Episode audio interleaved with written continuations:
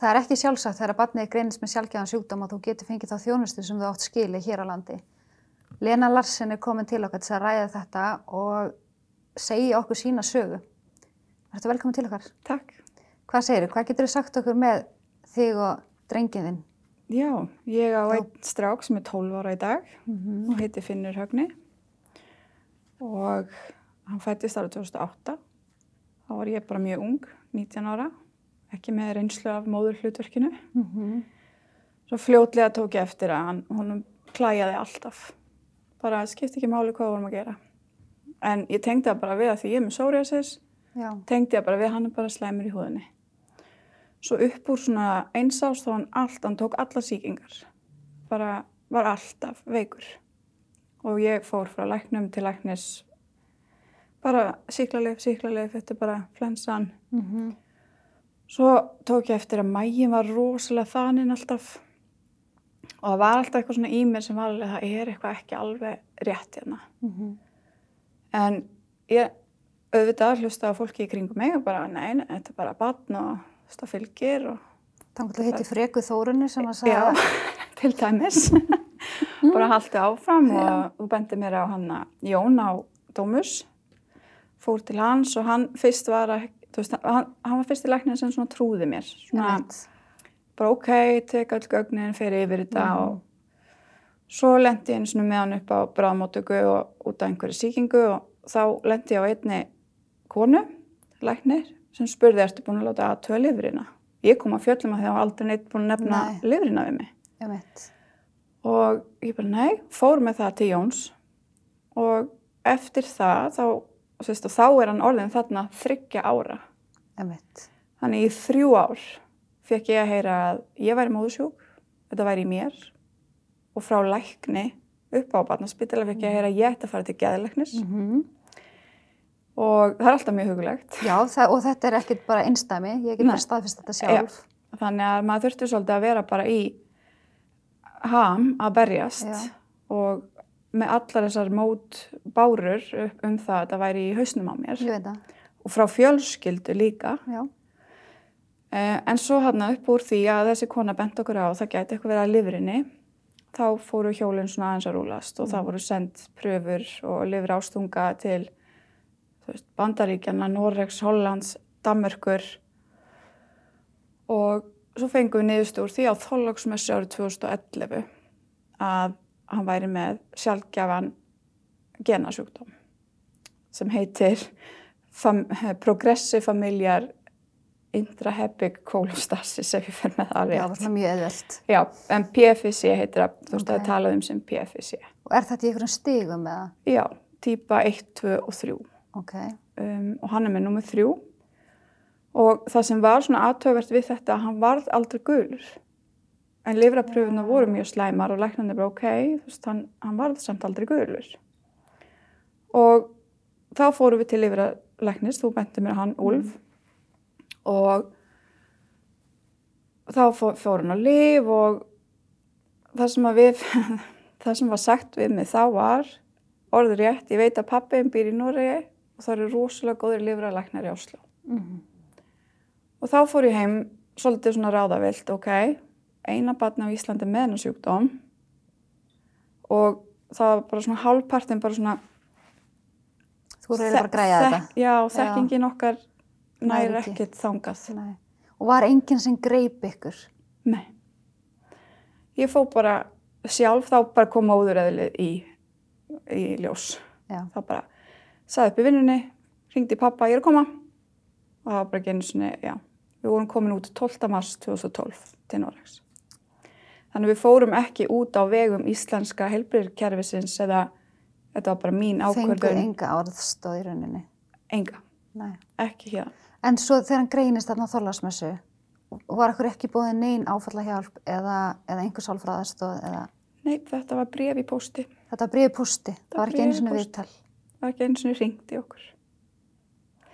Þannig að þetta var brefpósti sem ég opnaði á hátegi á þólagsmessu 2011. Hressandi. Mjög, mjög gósi. Já. Það var mjög mikill léttur að hann væri loksins komið Já, með greiningu, greiningu. á einhverju sem við gætum svo unnið út frá.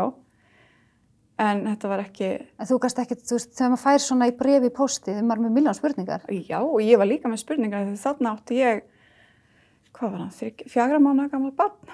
Já, Og þegar ég fæ bríði postið að þessi arfgengur genasjúkdómur, þá horfi ég á þennan sem er fjögra mánu og bara, en hvað ger ég núna? einmitt. Þetta er Og sami. þannig er bara jól og frí og þú veist ekkert, Nei, það var bara, hvað, hvað var, 9. januar? Já. Svona tímasetningar og tölur festast í minninu á manni. Þannig að við fengum ekkert að vita fyrir 9. januar.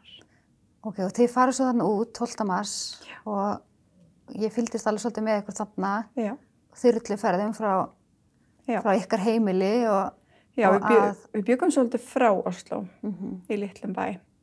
En þar var strax tekið sko, vel að móta okkur. Og fenguð alls konar aðstof sem þið hefðu ekkert fengið hér. Já, ég fekk, byrjunin var eiginlega bara að fá fyrsta viðtalstíman úti. Ok, Af því að ég þurfti að byggja læknin hér heima að hafa samband við læknin í Oslo. Þannig að þeir vissu að við værim að koma. Þannig að þú þurftir að byggja um það. Já, ég baði um það. Hann bauðst ekki til þess. Ég saði nú erum við að flytja til Oslo. Ok. Hvernig er ferlið þá? Mhm. Og þá var það þannig að hann sendi tölvupost og létt vita að við værim að koma. Þannig að þið þurftu að flytja í rauninni frá öllu ykkar stuðningsneti að því að Mhm. barnið ykkar greinast með sjálfgefan sjúkdóm. Já. Já. Þannig, og það var eiginlega bara tilviljun að pappi var úti. Já. Það var út á hruninu. Þannig að hann flytti til Noregs til þess að vinna. Þannig að þið höfðu þetta hann þannig allavega hana Já, en ekkert annað. ekkert annað. Og þegar þú varst að fara með hann til Oslo og þá var þáverandi maðurinn heima með hitt barnið. Og ég oftast einn. En þar var, þú veist, allar þær ferðir voru greitar af Norska ríkinu. Ok, Öll lif voru greitt neyri núl. Allt. Ég lagði ekki út krónu fyrir neinu sem tengdist honum með hans sjúkdómi. en fegst þú aðstof sem fóreldri Ég sem fóreldri fekk sálfræði aðstof. og þér var bóðinn sálfræðastof. Þú Já. þurftir ekki leita eftir henni sjálf. Nei. Kom hjúgrunafræðingur bara, bara strax eftir fyrsta tíman þegar við vissum ekki ennþá hvað meðferðin yrði Já, og sagði bara þetta er í bóði sálfræðingur á spítalanum heitir þessi, hún er þarna og hún hafði samband við sálfræðing sem var nær heima þannig ég var í sálfræði aðstóð öll þessi ár svo kemur hinga heim og hvað, var eitthvað bóðið hér að þú kemur Nei. heim aftur með barnið? Nei. En sagan er svolítið mikið lengri heldur en þetta því að hann þurfti að fara í lifuraskipti. Já. Þetta byrjaði þannig að fyrst var bara fylst með honum og hann var tekin af fjórum lifjum. Það var bara hreinsa til í Mhm. hans lifjaskamti og hann var tekin af fjórum og náði smá jafnvægi þar. Svo hjælt kláðin áfram og þetta var orðið þannig að veist, hann klóra sér til blóðs hverju einustu nótt. Ég man bara hvernig það var þegar hann var unga barn, sko. Þú klættir hann í sokka til þess að, skipta á honum. Já. Þetta var hryllingur. Og, og líka ég get nefnt það að við fengum styrk fyrir sængurfötum. Að það festist svo mikið blóðblettir í sængurfötunum hans að við fengum styrk út í Noregi fyrir það. Þannig að þetta er Tölvöld ólíkt. Um, svo hjælt kláðin bara áfram og þá stungu læknarnir í Noregi upp á því að prófa eitthvað sem hefur ekki verið prófað allan í Noregi að setja svona gallstóma heitir það. Og við prófum það með því að hann fikk dren í nefið og niður í gallblöru til að galli kemi út. Áðurnir mynduð gera aðgerna, þú veist þannig voru að aðtöða hvort þetta myndi virka. Mm Og kláðin bara hvarf. Og þá var hann, þetta var 2014, þá var hann sex ára. Mhm. Svo bara hætti hann að klæja og hann eiginlega fattaði ekki að hann hætti að klæja. Það vanu var orðið svo mikið. Vanið var orðið svo mikill að hann, þú veist, en honum leið betur, ég sá það, hann svaf á nóttunni og leið miklu betur. En svo kom hann að við ákvöldum, ok, nú, nú fær hann stóma. Þannig að dreni var tekið í viku áður en við fórum inn í aðgerna. Þá, mamma, hvað er að gerast? Já, Þá fattaði hann að honum klæjaði. Þá sá maður hvað þetta var búið að vera eðlilegt fyrir hann frá fæðingu að vera bara alltaf. ósjálfrátt allstar. Og þessi vika var hryllingur. Þá var hann svona uppgöta Og líka þurfa að útskýra allt fyrir Já. og annað. kom svolítið að þá þurfti við að setjast niður með hann útskýra á. Já. og svo fekk hann stómabókan sem var í pínu plástur á lifrina, Mhm. fyrir lifrina að kvíla hana og reyna að draga það sem lengst að fara í lifraskipti Mhm. og þetta virkaði allt 2015 þá gekk bara ótrúlega vel hann var með hann stómabóka og leið vel og Og lifra sá líka á myndum, þú veist, hann var bara að þroskast. fekk smá lit í húðina og var svona bara bara Og sá hann hressari leið betur. Já. Já.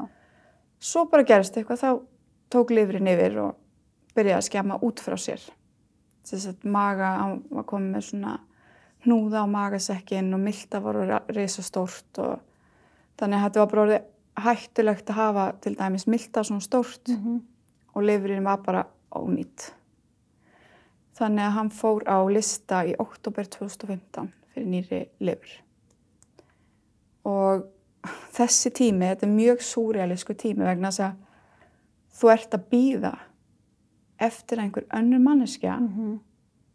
degi svo þitt barn fá að lifa. Maður getur ekki ímyndað sér þessar tilfinningar. Þetta er svo súrealísk tilfinning að maður vissi ekki alveg, þú veist, maður, ég, var orðin, að- ég var farin að fara í blöðin. Það sér þetta bara í bíómyndum. Já, maður, þú veist, Já. þetta er bara eitthvað svona, að því ég vissi að mótuhjólasleis eru algengustu líffæragjafnir. Já. Þannig ég var fann að fara í blöðin og aðtuga hvort það væri Ah. mótuhjólasleis.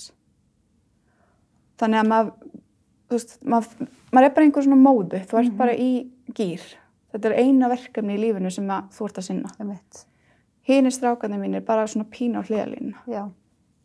Þannig að þetta var bara svona, sérst, já, þetta var frá oktober til april. Þannig að þetta voru þessir hvað, 6-8 mánuðir. Já. Ég trúi að þetta var mjög erfitt tímabil. En núna, hann fyrir gegn þessu lífraskipti og Já. hræðilegu tími fyrir ykkur öll. Fórstu hinn strákarnir, fá þau ykkur sálfræðastöð út í Noregi? Þeim var bóðið það. Það Ok. kom sagt í leikskólanum hjá miðjunum minni. Þá var tala við hann svona reglulega. Mm -hmm. En það er svona, veist, ég man ekki eftir Nei. áranum í hans lífi á þessum tíma sem Nei. finnum var veikur. Og það er alltaf bara áföllin, áföllun og áföll sem að Ég, gera það verkum. ég, bara, ég bara þurrkaði það Já. út og ég er svo þakklátt fyrir mamma flutti út á eftir mér til Noregs. Þannig að hann var svo rosalega mikið hjá henni bara. Já, dæmið sem ég get nefnt líka er að það var félagsrákja á spítalinn út í Noregi sem að ég gaf bara umboð Mm og hún sótti um það sem við áttum rétt á umönnabætur og styrki og þess áttar. Þannig að þú þurftir ekki að eyða allri þinni orku í það að berjast við kerfið og þú kannst einbyttir að banninu Ég gæti einbett mér og verið til staðar fyrir hann á spítalinn. og sjálfa þig. Já. Hvað er það sem að þú myndi vilja sjá breytast eftir að hafa upplifað þjónustana í Nóri? Að fjölskylduna geti verið í sínu heimalandi og Mhm. fengi þá aðstóð sem að mér finnst allir eiga rétt á sem lenda í þessum aðstæðum. og geta að vera með sitt stuðningsnet og þurfa ekki að flýja land. Já, Já. bara, já, hreinlega þurfi ekki að flýja land. að það sé stutt við mann þannig hér fjölskyldur langveikara barna fái það aðhald sem þau eiga skilið frá sínu landi. Nákvæmlega. En nú er þið komin heim og hann líður betur í dag en þetta er náttúrulega bara eiginlega verkefni sem hann er í. Þetta er stanslust verkefni. Mm -hmm. Hann er aðalega það sem hann er að kljást við núna er sagt, aukaverkun af livjum. Já. Sem sagt, Skapið hans er mjög óútreiknalegt. Mm -hmm. Hann sagt var á lifi sem er nota við alvarleg þunglindi og það hefur vist kláðastillandi áhrif og hann var á því í fimm ár. Já, Frá þryggjára þanga til hann fekk einmitt. og þessi ári í lífi barns er mjög mikilvægur í þroskaferli barns einmitt. upp á tilfinningar. einmitt. Þannig um leið og hann var tekinn af þessu lifi þá var bara eins og hann kynna ekki að vera spenntur eða gladur eða sorgmætur. Var, ef við vorum að fara til Íslands og Noregi, ég gæti ekki sagt hann það fyrir bara degi fyrir, Já. eða degi áður. En er, er hann að fá okkur aðstof með þetta núna? Veist? Nei, Nei, og það hefur enginn bóðið þessa aðstof. það var enginn bóði þess aðstof. Hann, það er að mér finnst mjög ha- vel haldið utanum hann í skólanum af námsrákjafa. Mm -hmm. að þau sjá svolítið svona hvernig hann er. Mhm. Um, mér líður svolítið svona að því að hann er ekki með hennar greiningu, þá er pínu svona, ég þurfti að byggja um það í skólanum Já, og útskýra. þetta er svona barningur. Já, ég þurfti, hann er svona út af því að þetta hefur hann gengið í gegnum, Mm -hmm. en hann er ekki með hennar greiningu líka þegar ég er svolítið að íta því til hliðar að hann greinist með ADHD. Að því að við fórum í eitt sálfræði tíma að minn, mínu frumkvæði hér heima og þá fekk ég bara blað með heim sem ég átti svona að krossa í Já, mm en sko hvort hún málið er ymmit akkurat þetta, ADHD og erfi lífsreynsla batna sem lendi svona, þessi er oft ruggla saman, áfallastreituröskun Já. og svo aftur á móti ADHD. Já. En ég sá einmitt þarna og þess vegna hef ég persónulega ekki farið með hann aftur. Nei. Af því að þetta var 45 mínútur sem hún satt með barninu mínu Mhm. Og ég fikk sendt heim svona ADHD krossablað. Þannig að þér finnst vanta að það sé haldið utan um þessa krakka, Þessa krakka Já. og skilningur.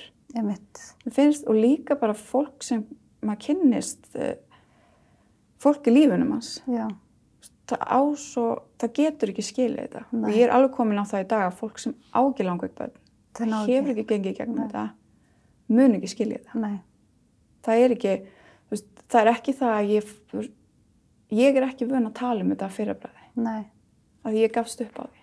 Ég veit að þegar maður fær alltaf þessa höfnun og maður fær einhvern veginn bara svona æfa á en einu svona að tala um þetta. Já, og ég fæ En þetta bara, er bara lífum hans Já. og ef maður fær ekki útrás fyrir að tala um þetta, að þá náttúrulega bara loka maður sér á að lendur á veg. Sko. já, og í Noregi þá einmitt leitaði ég, þá var stuðningshópur, sérst, foreldrar lifrasjúkra batna og þá voru bara foreldrar sem hafa gengið nákvæmlega Já, sömu hluti og ég ymmit, og það, þá gat maður talað svolítið opinskátt um Já. hvernig mann leið ymmit.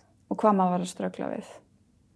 En ég, ég veit ekki hversu oft ég hef heyrt, en hann lítur svo vel út. Já, Hann, ekki á hann honum. lítur ekkert út fyrir að vera veikur. Nei.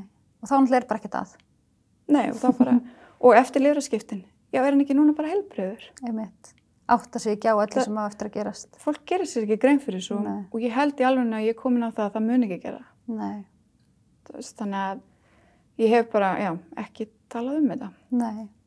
En takk æðislega fyrir að koma og spjalla um þetta við okkur því að það er mjög nöðsilegt að fólk fatti allar hliðar á svona sjálfgefan sjúkdóm. Að Þetta er ekki bara börnin heldur við fóreldrarnir sem Við þurfum að tækla ýmislegt líka. Sískinni og svona. Já, Akkurat. Takk fyrir. bara á liti.